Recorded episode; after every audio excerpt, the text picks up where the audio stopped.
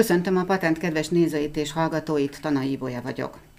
Bár minden kutatás szerint évről évre kevesebben olvasnak könyveket, ez mintha a könyvesboltok választékán nem látszana. Talán soha nem volt még ekkora kínálat a legkülönbözőbb fajtájú könyvekből. Pedig 15-20 évvel ezelőtt sokan már temették a nyomtatott könyvet, az e-bookok azonban a vártnál kevésbé lettek népszerűek, és szó sincs arról, hogy kiszorítanák a kézbevehető, fellapozható köteteket. A mai műsorban könyvekről lesz szó, de ezúttal nem a tartalmukról, hanem a külső megjelenésükről, azaz a könyvtervezés folyamatáról tudhatunk meg, minden bizonyal érdekes információkat Sejei Tamás Otto tervező grafikus segítségével, akinek az elmúlt évtizedekben számos könyvterve valósult meg, és oktatja is az ezzel kapcsolatos szakmai ismereteket. Szeretettel köszöntelek, köszönöm, hogy elfogadtad a meghívásunkat. Én is köszönöm. Meg tudnád mondani, hogy eddigi pályát során hány könyvet, kiadványt terveztél már? Nem. Az eddigi pályám azért eléggé hosszúra nyúlt, és szerencsére nagyon szép és sok megbízást tudtam teljesíteni. Százas nagyságrendben vannak a könyvek, illetve a, a periodikák, a folyóiratok, azok pedig évről évre szaporítják ezt a számot. Hát ez egy elég tetemes szám minden esetre, de nyilván másféle feladatokkal is foglalkoztál. Milyen más jellegű munkáid voltak az elmúlt időszakban, mi mindent terveztél? Gyakorlatilag a nyomtatott grafika minden területével foglalkozom, tehát ami a legnépszerűbb azok az embléma és, és arculattervek, vagy a plakátok, vagy rendezvény arculatok, csomagolást is terveztem elég sokat. Ezek a feladatok, ezek, ezek számomra mindig kihívást jelentettek. Munkáimból, hogy hol találkozhattunk, hát például 16 évig építettem és fejlesztettem a, a Szavária történelmi karnevál arculatát, aztán három évig a Szent Márton emlékév arculatán dolgoztam, de a Berzsenyi Dániel könyvtárnak is már több mint 20 éve dolgozom, a harmadik arculat az, ami most működik, illetve egy frissítéssel együtt a harmadik. Most azt szeretném, ha egy kicsit visszamennénk a kezdetekhez, mert érdekes az az út, ahogy te végül is a Képzőművészeti Egyetem tervezőgrafikus szakára kerültél. A művészet az egyértelműen jelen volt a családotokban, hiszen édesapád ismert belsőépítész volt, édesanyád pedig énektanár. Az ő művészethez való viszonyuk hogyan jelent, a, jelent meg a mindennapokban, és hogyan hatott rád, hogy emlékszel te erre vissza? Hát ahogy mondtad, azért ez egy szerencsés állapot, tehát nem első generációs művész vagyok, de egy, egy kisgyermek az nem méregeti meg, nem viszonyítgatja az élethelyzetét, hanem elfogadja. Tehát nekünk az természetes volt, hogy otthon vannak hangszerek, amik néha megszólalnak, és az is természetes volt, hogy egy háromszobás lakótelepi lakás egyik szobájában egy asztalos műhely van, ahol édesapám dolgozott, és egy, egy rendes gyalupad, hozzá mindenféle eszközökkel, amit aztán később bővített zománcégető kemencével, és mindenféle olyan eszközökkel, ami, ami ilyen varázslatos dolognak számított. És ugye ott is azt láttam, hogy, hogy apám nagyrészt otthon dolgozott, és állandóan maketteket gyártott az általa tervezett épületek bútorairól, vagy éppen homlokzatáról, és állandóan fülig ért a szája, amikor mesélt azokról az ötletekről, amikkel éppen elkészült. És ez, ez egy kisgyereknek nekem egyértelműen az bizonyította, hogy játszik. Tehát ő nem dolgozik, mert a munka az nem ilyen. Tehát ez abszolút vonzóvá tette számomra ezt a, ezt a működést. És hát persze az, amit, az, amit így az ember önkéntelenül megkap, az az értékrend. Tehát az, hogy, az, hogy nálunk a, az ötlet, az eredeti ötlet és a funkciónak valamilyen frappáns teljesítése, a feladat teljesítése, az mindenek fölött volt, és nálunk mondjuk félistennek számítottak a jó asztalosok, vagy a kárpitosok, vagy, vagy éppen egy jó szobafestő. De terelgetett is téged, mondjuk a nem. belső építészet irányába, nem? Nem, egyáltalán nem. Ő, ő magának is kivívta a szabadságot, de tiszteletben tartotta felénk is. Tehát én nyilván ezután a, a előkép után belső építész szerettem volna lenni, ezért aztán középiskolában a Pécsi Művészeti szakközépiskolába textil szakra jártam, mert az állt legközelebb ehhez a választott pályához, de mire ezt befejeztem, addigra már a grafika volt az, ami, az, ami jobban érdekelt. De vissza tudod idézni, hogy hol volt ez a fordulópont? Több, több eleme is volt. Hát Pécsi diákként a Pécsi galériának a plakát kiállításai egyértelműen meghatározóak voltak. Tehát ott találkoztam olyan erős megjelenésű, szabad gondolkodású munkákkal, Pócs Pétertől, Orosz Istvántól, ami, ami hát egyértelmű egy, egy ilyen 11-2 év vagy 14-5 éves fiatalnak nagyon komoly élmény. De aztán a főiskolai felvételi volt az, ami végül is ezt a kérdést eldöntötte. Én nekem a, a belső építész képzést folytató intézmény nem tetszett, viszont a képzőművészeti egyetem és a grafika képzés az rendkívüli módon. Mert mi fogott ott meg? Már maga a felvétel is, hogy, hogy azt mondták, hogy rajzoljak öt napig egy rajzot.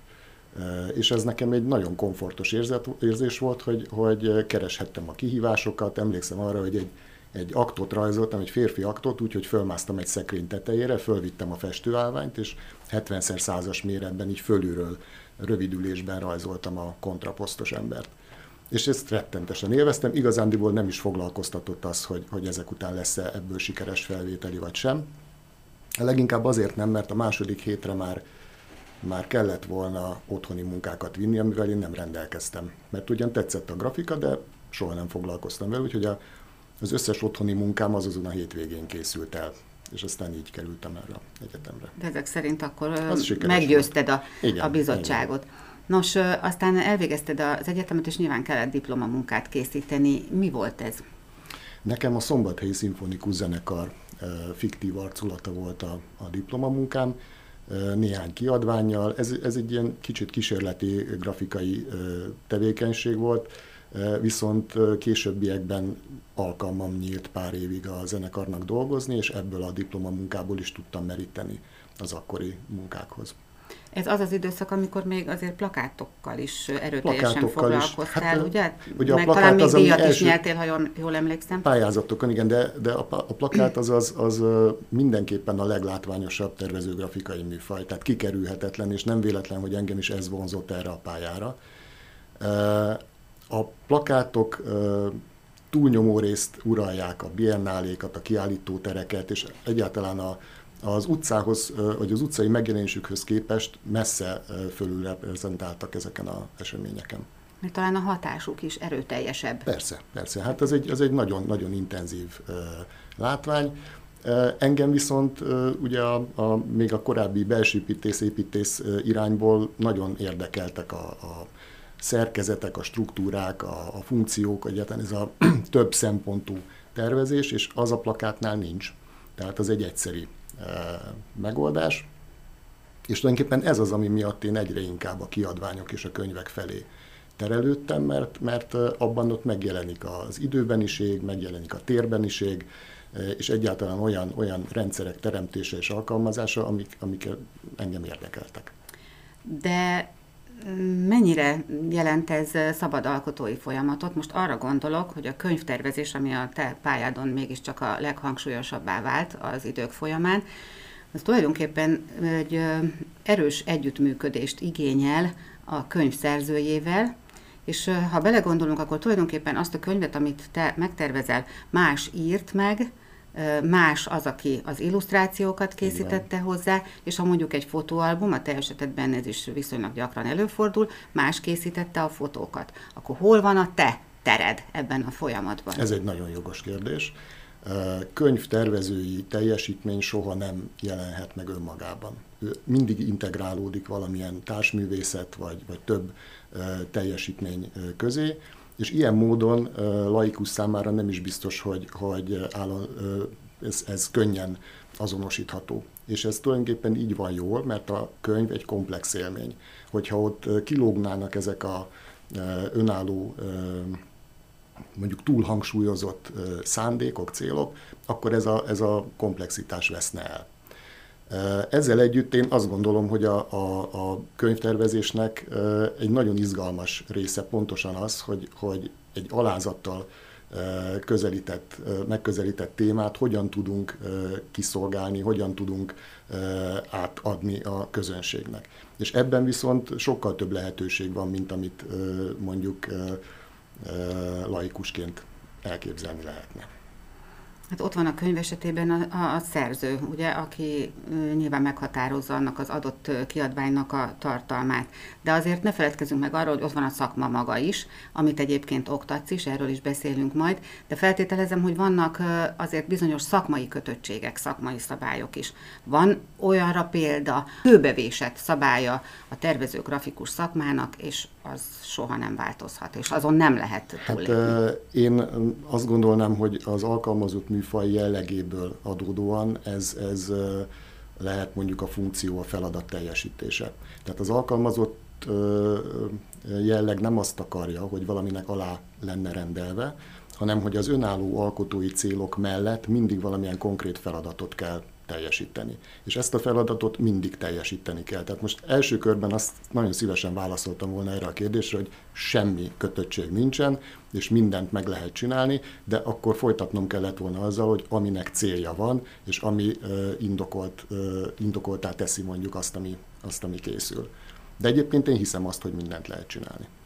Nálam időnként felmerül, hogy sokszor a helyesírási szabályok áthágása az megengedhető-e egy grafikai feladatnál, tehát hogy a látvány felülírja mondjuk az ékezetek elhelyezését vagy elhagyását.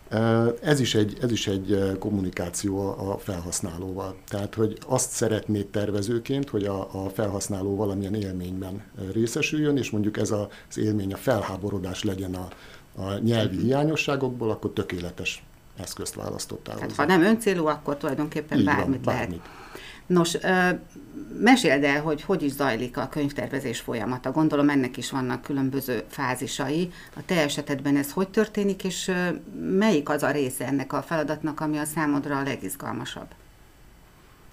Hát tulajdonképpen a, a legizgalmasabb mindig a, a, az eleje a tervezési folyamatnak, amikor, amikor a fehér papír az összes motiváció, és valahogyan el kell helyeznem azt a, azt a könyvet úgy magamban, hogy mégis milyen, milyen eszközökkel, milyen, milyen stílusban tud a legjobban működni.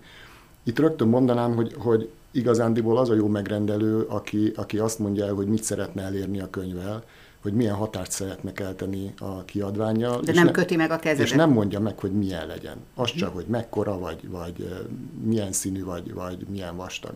Tehát, hogyha ezek a lehetőségek e, nyitottak, akkor, akkor innentől szabad kezem van. És akkor tulajdonképpen csak az a cél, hogy, hogy az ő szándékaival egyező e, eredményre jussunk. De akkor az első lépés mindenképpen a könyv tartalmának a megismerése, nyilván, feltételezem. Nyilván, nyilván, és akkor nyilván. az indítja el a gondolatokat. Neked hogy jön az ötlet?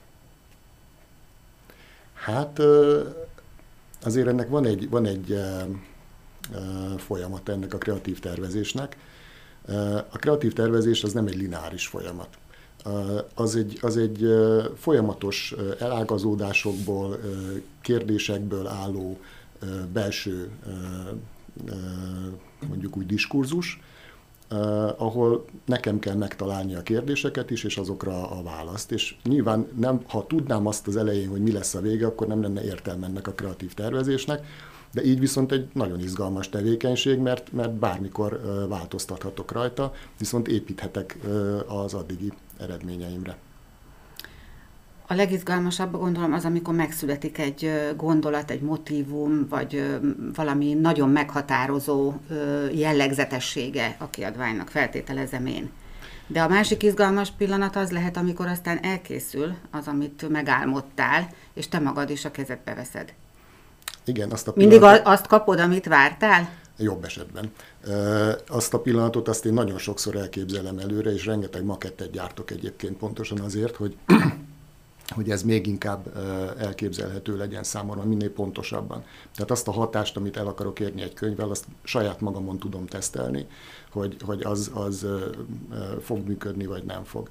De egyébként itt, hogy említetted, hogy milyen, milyen kiindulás van egy könyvnél, tavaly előtt azért mentem el Erdélybe, ahonnan egyébként nagymamám származik, anyai nagymamám, mert egy könyvet Torockóról készítettünk. Én előtte sajnos nem jártam Erdélyben, ez viszont azzal az előnyel járt, hogy, hogy teljesen nyitottan és, és mindenféle előkép nélkül tudtam azt vizsgálni, hogy konkrétan az a település, amiről a könyvet fogom majd készíteni, mitől különleges, mi az, amitől megkülönbözteti magát a többiektől, milyen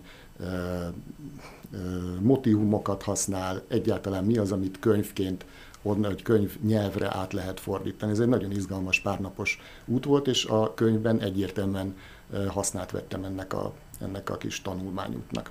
És tudsz erre mondjuk egy példát is mondani, hát akár, persze, hogy mi hát az, amit könyv... ott megtapasztaltál, és valahogy visszaköszön a Hát először ugye az általános uh, tapasztalás, ez a minőségnek, vagy, vagy uh, annak a hát talán kicsit anakronizmusnak, ahogyan ezek között az arhaikus díszletek között a, a modern mindennapi életüket élik ezek az emberek. Nagyon büszkén teszem hozzá. De konkrét uh, motivumokat is mondjuk egy hímzett uh, oltárterítőt találtam, aminek a betűit fel tudtam használni a könyvben.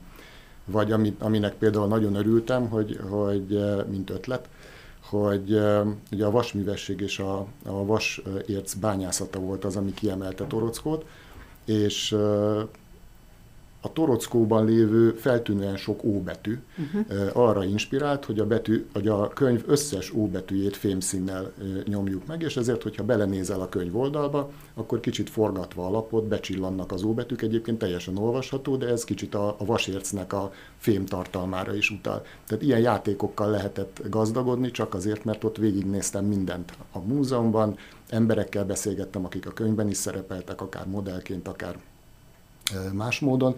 Tehát ez egy, ez egy személyes élményre épülő munka volt. Tehát egy személyes kötődés is kialakul a témához, akár Például. ilyen élő módon, hogy, hogy jelen vagy ott, amiről a, a könyv szól, akár hogy valamilyen más módon megismered a könyvnek a tartalmát. Még az érdekelne, hogy egy könyvtervezésben biztosan nagyon fontos szerepet kap a borítónak az elkészítés és annak a kitalálása, azt is feltételezem egyébként, hogy sok esetben a megbízás is kifejezetten erre szól csak, mert hogy gondolhatják sokan azt, hogy egy könyv belsejét azt nem olyan nagy trüváj kitalálni, de a borítónak annak mégiscsak hatásosnak, ütősnek kell lenni, és lehet, hogy a borító mondjuk eltántorít valakit, hogyha az a, a kötet olvasásától, hogyha az, az, az nem olyan, ami szívesen kézbe vehető te is nagy jelentőséget tulajdonítasz ennek? Tehát ott mindig valamilyen ö, ö, szokatlannak, váratlannak ö, kell feltűnni? Hát kezdjük azzal, hogy a borító az a könyv része. Tehát ez, ez egy könyvtárgy, amit én tervezek, illetve létrehozok. Ezt nem tudom felszeletelni. A, a könyvborító ugyanannyira fontos, mint a, a belső címoldal, vagy éppen a, a hátsó borító, vagy a könyv közepén bármelyik oldal. Tehát ennek mindenképpen valamilyen szövetet kell alkotnia. Volt egyszer egy olyan, olyan sorozat, ahol, ahol könyvborítókat kellett terveznem, de ott is tulajdonképpen már a, a könyv belső oldalaival is kezdtem foglalkozni. Egyszer másfél éven keresztül tankönyvborítókat terveztem, közel 200-at és ott tulajdonképpen az volt a feladatom, hogy, hogy egy koncepciót dolgozzak ki a tankönyvborítókra, de végül a kiadó úgy döntött, hogy, hogy akkor csináljam is meg az alapján, a koncepció alapján a, a borítókat. De ott is már az első pillanattól abban gondolkoztunk, hogy a belső oldalakon hogyan fog ez működni. Tehát mondom, könyvet nem, nem szedünk szét. Ez Tehát csak egységben érdemes ezt ugye figyelni. A, a könyv esetében, és ezt másoktól is hallottam, már nagyon releváns az építészeti párhuzam. Tehát a, nyilván a borító a homlokzat. Tehát most azt el tudjuk képzelni, hogy valaki csak homlokzatot tervez, és nem foglalkozik azzal, hogy mi van mögötte, vagy, vagy fordítva. Tehát ezek, ezek összetartozó dolgok. Most említetted az imént ezt az érdekes példát az O betűre a Torockó könyv kapcsán. Most arról meg az jutott eszembe, hogy minden esetben sikerül elfogadtatnod az ilyen jellegű ötleteket, vagy azért ez, ez azért meggyőzés eredménye? Volt már rá példa, hogy, hogy nem, nem volt fogadókészség, de hogyha itt a, a beszélgetésünk elején a több százas nagyságrendet említettem, akkor azt hiszem, hogy két alkalommal. Azért is lehet ez érdekes kérdés, mert azt is fölveti ez az betű példa, hogy a nyomda mit szól mondjuk egy-egy ilyen ötlethez. Mert azért ott még sok minden eldől, mert te megtervezel valamit, de a végeredményt azt majd csak akkor fogod igazán látni, mm. amikor az a nyomdából kikerül. És ott még érhet kellemetlen meglepetés. Vagy ilyenre nem volt példa? A kellemetlen meglepetésre talán nem, de a kísérletezés az része a, a dolognak. Most a, több dolgot érintettünk ezzel a kérdéssel, tehát hogy hogyan fogadja a megrendelő. Nyilván ahhoz, hogy, ahhoz, hogy én a megfelelő tervet tudjam előállítani, kell egyfajta bizalom a kiadó részéről, és, és ez, ez kölcsönös kell, hogy legyen. Tehát kell egy olyan alkotói közeg, amiben, amiben lehet dolgozni. Hogyha ez megvan, akkor nyilván azok a kockázati elemek is azért kezelhetőbbek, amik mondjuk a kísérletezéssel óhatatlanul együtt járnak. Például Klocz Miklós barátom Kasszérien Ingáráki című könyvénél offset próbanyomatokat végeztettünk annak idején a, a nyomdával, hogy azt a speciális eljárást, ahogyan ezeket a képeket meg akartuk jeleníteni, a legjobban sikerüljön a készkönyvnél megoldani. És ami ott kiderült, azt tudtuk utána hasznosítani. Vagy most a legutóbbi könyvemnél, a Filharmónia könyvnél, az ötödik szín, a, a, az aranyszín alkalmazásánál szintén voltak olyan kérdések, amiket, amiket a nyomdával előre egyeztetni kellett. És a, ezek után ezek megoldhatóak. Soha nem mondta még senki azt, hogy hát ez lehetetlen. Hát olyanokkal nem szoktunk dolgozni. Értem. Nos, szeretném, hogyha beszélnénk azokról a könyveidről, bár nem fogják látni sajnos a, a hallgatóink, amelyek eh, díjakat kaptak. Ugye Magyarországon a Magyar Könyvkiadók és Könyvterjesztők Egyesülete már évtizedek óta kiadja a Szép Magyar Könyv eh, díjat minden esztendőben. És te azok közé tartozol, akik már több ilyet is átvehettek. Négyszer kaptad meg ezt a Szép Magyar Könyvdíjat, ha jól tudom, és egy alkalommal meg egy oklevelet. Nekem az, az úgynevezett okleveles könyved is nagyon-nagyon tetszik, mégpedig ez a Szent Márton Szavária szülötte című kötet Lőrinc Zoltán tollából, és ennek kapcsán visszautalhatunk erre a borító kérdésre, mert hogy látszik, hogy nagyon sokat foglalkoztál te azzal, vagy nagyon alaposan átgondoltad, hogy mit és hogyan jelenítsél meg, hiszen egy több rétegű borítót terveztél, ami nem először fordult elő a pályádon, ezt is tudom. Mesélnél erről, hogy ez hogyan született? Hát itt ugye Lőrinc Zoltán az ábrázolásokat, az európai ábrázolásokat mutatja be Szent Márton esetében. Szent Márton szavária, született, tehát a mai szombathelyen született, és Túrban van eltemetve, és akkor ez a borítón oly módon jelenik meg, hogy a Túri katedrális ólomüveg ablakának egy részlete kerül bemutatásra, ahol egy-két üveg táblát kivágtunk belőle, mint hogyha kitört volna, és azon keresztül látszik az alatta lévő táblaborító megjelenő freskó, ami meg itt szombathelyen mutatja be a Szent Márton életét. Tehát ez egy, ez egy nagyon egyszerű játék arra, hogy összeépítsük ezt a két egyébként egymástól független képet. Egyszerű, de mégis nagyon különleges és sokat mondó. És lehet, az jutott eszembe erről, hogy lehet, hogy sokaknak már a könyv megismerése, elolvasása után ad egyfajta többlet tudást, vagy akkor fedezi fel a könyv olvasója, hogy tulajdonképpen mire is akar utalni az a borító, ami elsőre csak szép, meg különleges, később jelentést is kap. Igen, hát erre mondom azt, hogy ez egy komplex élmény. Tehát a, a könyv esetében, és ráadásul ugye az időbeniség nagyon fontos. Egy könyv eleje az ugyanolyan, mint egy filmnek a főcíme. Ott is az első néhány percben nagyon sok minden történik, költségvetésnek egy jelentős része bizonyos filmeknél erre megy el, a leglátványosabb elemek, mert hát valahogyan be kell vonzani a, a nézőt abba a történetbe. Ez a könyvnél sincsen másképpen. Említettük a beszélgetésben már több alkalommal ezt a bizonyos Torockó könyvet, amelyet közösen készítettetek Klotz Miklossal. Az ő neve többször is felbukkant már a te pályádon, hiszen két kötetetek, közös könyvetek is díjat kapott a Szép Magyar Könyv versenyben. Az egyik az Afrikában élő masszájokról szól, mármint róluk készült fotókat tartalmaz, ez a szintén emlegetett Kasserian Inkéra című könyv, amelynek szintén a borítója az, ami igazán extra és különleges megoldást tartalmaz. Lehet, hogy te különösen nem foglalkoztál soha a maszályokkal, és lehet, hogy azt se tudtad, hogy hogy állj neki ennek a feladatnak, vagy? Hát nyilván nem. Viszont nagyon érdekelt, nyilván európai gyökerekkel rendelkező alkotó, hogy, hogy egy tőlünk teljesen idegen kultúrát hogyan, hogyan fogunk mi bemutatni. Miklós barátom nagy formátumú géppel, analóg géppel dolgozott, és gyönyörű fekete-fehér nagyításokat hozott a könyvhöz, és ehhez kellett egy olyan, olyan design, ami, ami nem kifejezetten a, a tradicionális európai könyvművészetnek a, az eszközeivel él, mint mondjuk egy talpas antikva, vagy, vagy bármi egyéb, ami, ami tőlük idegen, de mégis tartalmaz ilyen elemeket. A borítóján ugye ez a cím a, annyit tesz, hogy hogy vannak a gyerekek. Ez a maszájoknál egy olyan köszöntés, ami, ami nálunk a jó napot, és az is azt mondja rá, hogy jól, akinek nincsen gyereke.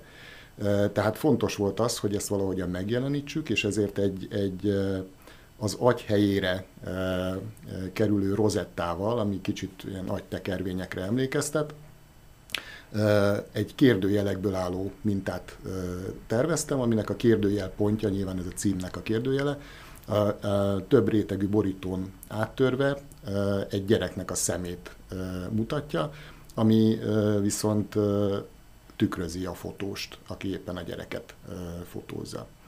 Annyi apróság és érdekesség, hogy ez a rozetta, ami egyébként a, a maszáj viselet geometrikus mintáira emlékeztet, ez Tóthalusi Kis Miklós korai barokk antikvájának, a Janzonnak a, a kérdőjele, tehát minden, mint egy, egy magyar szállal is sikerül ezzel a témát kiegészíteni.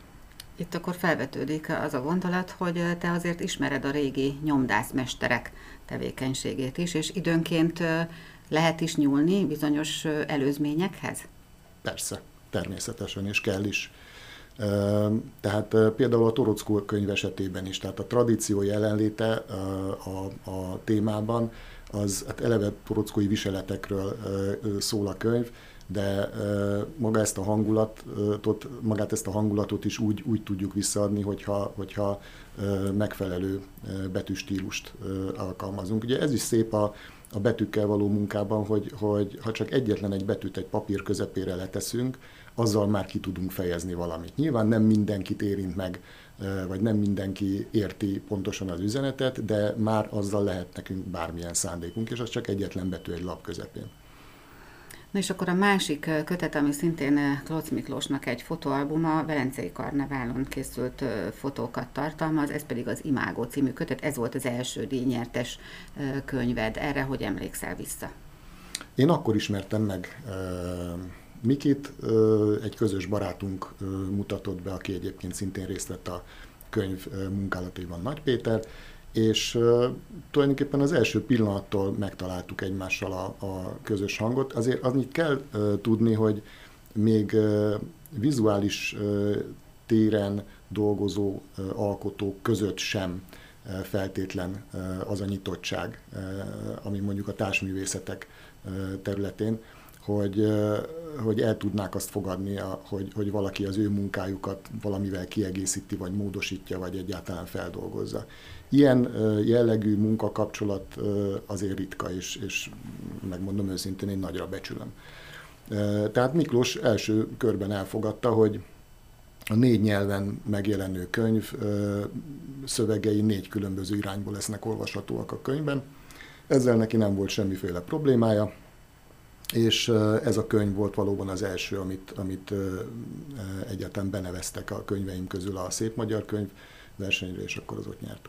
Na és akkor van még egy könyv, amit semmiképpen nem hagyhatunk ki a felsorolásból, már csak azért sem, mert olyan tekintetben lehet, hogy ki is lóg a sorból, hogy ez egy természettudományos kötet, ez a Bogarak a Pannon régióban, Merkl Otto és V. Károly könyve.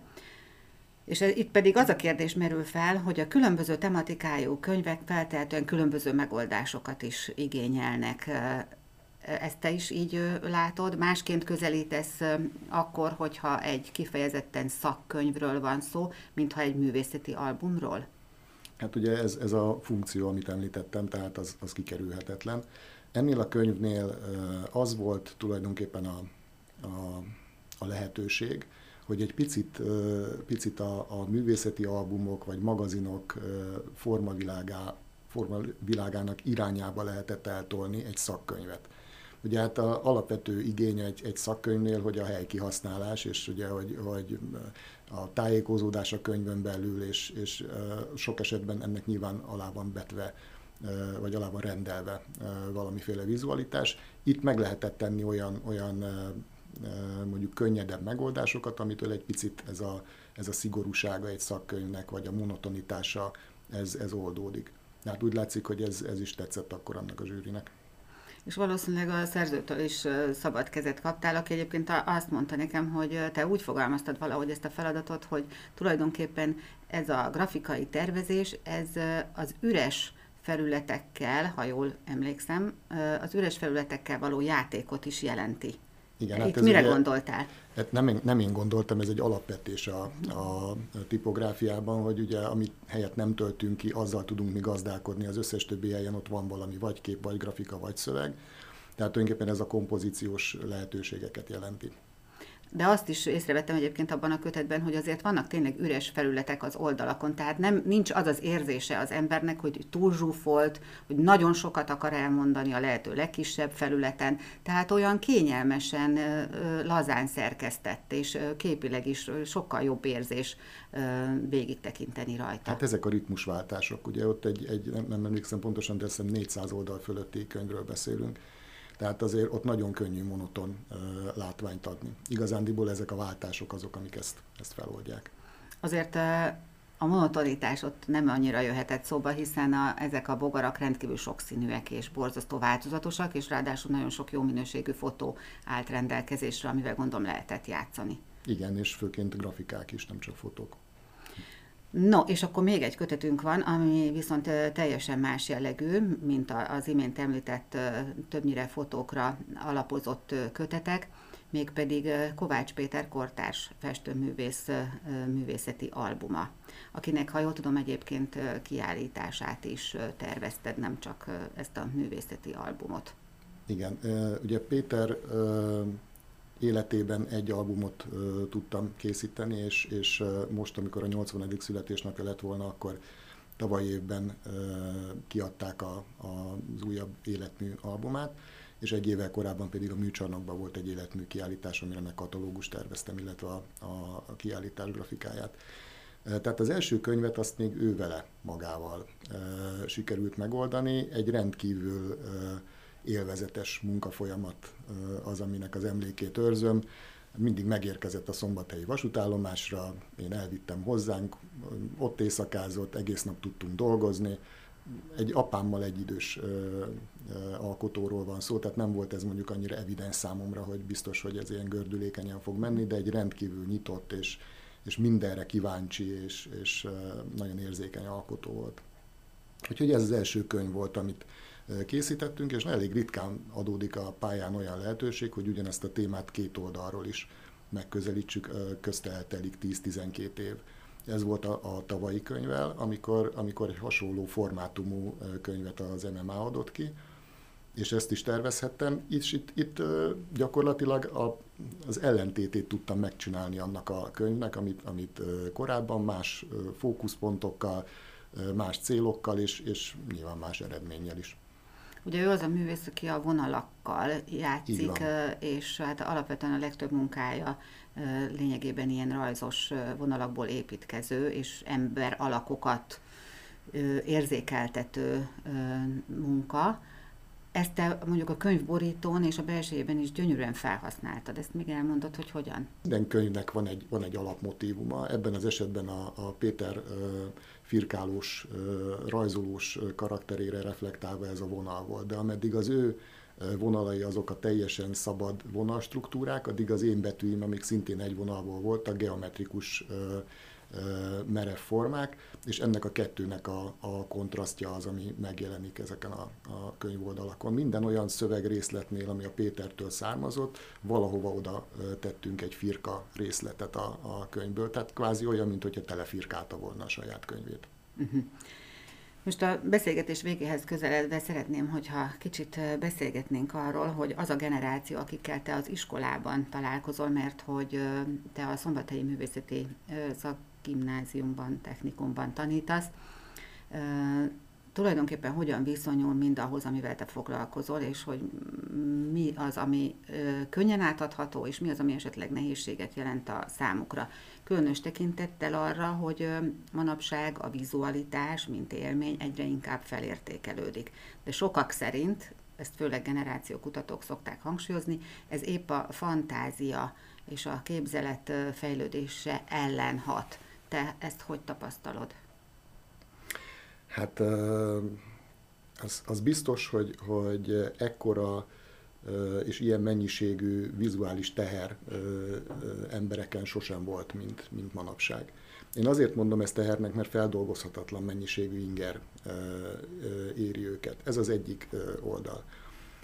A másik oldal, hogy, hogy amikor valaki grafikai pályát választ, 12-13-14 éves, akkor leginkább azért teszi, ez, ez tapasztalat, mert szeret rajzolni, mert sokat rajzol, mert a rajzzal érzi magát komfortosan, és az a kifejezési formája. Ez mind nagyon rendben is van, és szükségük is van a, a, az átlag fölötti rajzkép képességre, rajzi képességre.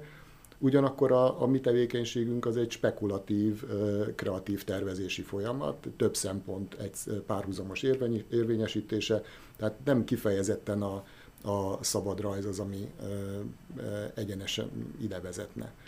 Tehát valahogyan rá kell vezetni őket erre a kreatív tervezésre, és itt az első nehézséget az szokta jelenteni, hogy, hogy a, a minden környezetben, itt is ebben a, a, a stúdióban, az én könyveimben kívül is rengeteg design termék megjelenik, ezek között tervezőgrafikai tevékenységek is, és minden olyan, amihez úgy sokan értenek, tehát ilyen a foci, meg a főzés, meg az autóvezetés, meg itt, ilyen a grafika is, mert hogy felhasználóként mindenki találkozik vele, de ez egy másik oldal. Tehát a felhasználónak csak annyit kell eldöntenie, hogy neki abban a pillanatban valami tetszik, érdekes, egyáltalán foglalkozik-e vele. Nekünk ezt a folyamatot irányítani kell, ami a felhasználóban majd létrejön. Tehát tulajdonképpen ezeket a, a fiatalokat valamilyen módon át kell terelni a felhasználói oldalról az alkotói oldalra. Uh-huh. Értem akkor még az a kérdés marad, hogy mindezt hogyan befolyásolhatja a mesterséges intelligencia.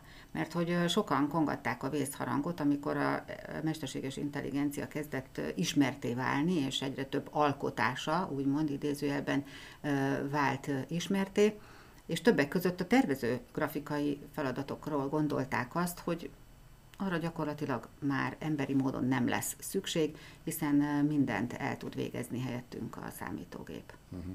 Hát a tervezőgrafik, a tervezőgrafikában a a, vagy egyáltalán a grafikában a mesterséges intelligencia alkalmazások fejlesztésének egyértelműen az volt a célja, hogy munkafolyamatokat egyszerűsítsenek, lépjenek át, áthidaljanak.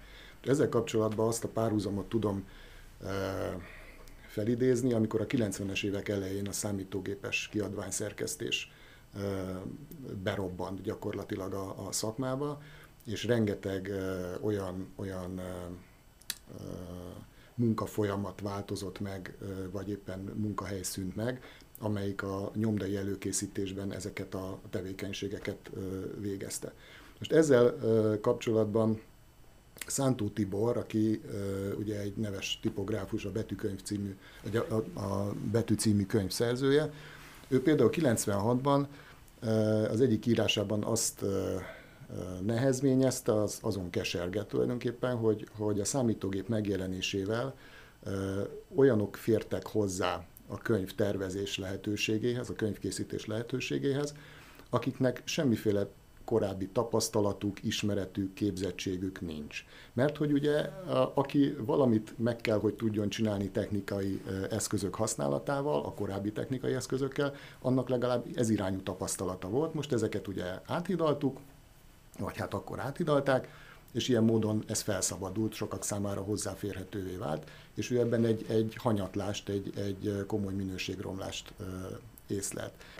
Minden korábbi technika amelyik befolyásolta a grafika, grafikai tervezést, azok előbb-utóbb hasznára álltak. És ez valószínűleg ezzel is majd meg fog történni, csak a megfelelő módon kell majd, majd kezelnünk. Nyilván nem a, nem a kreatív tervezés kiváltására kell, mint hogy nem is arra gondolták ezt létrehozni. A Szántó Tibor félelmei most is érvényesek, hiszen a, a helyzet hasonló.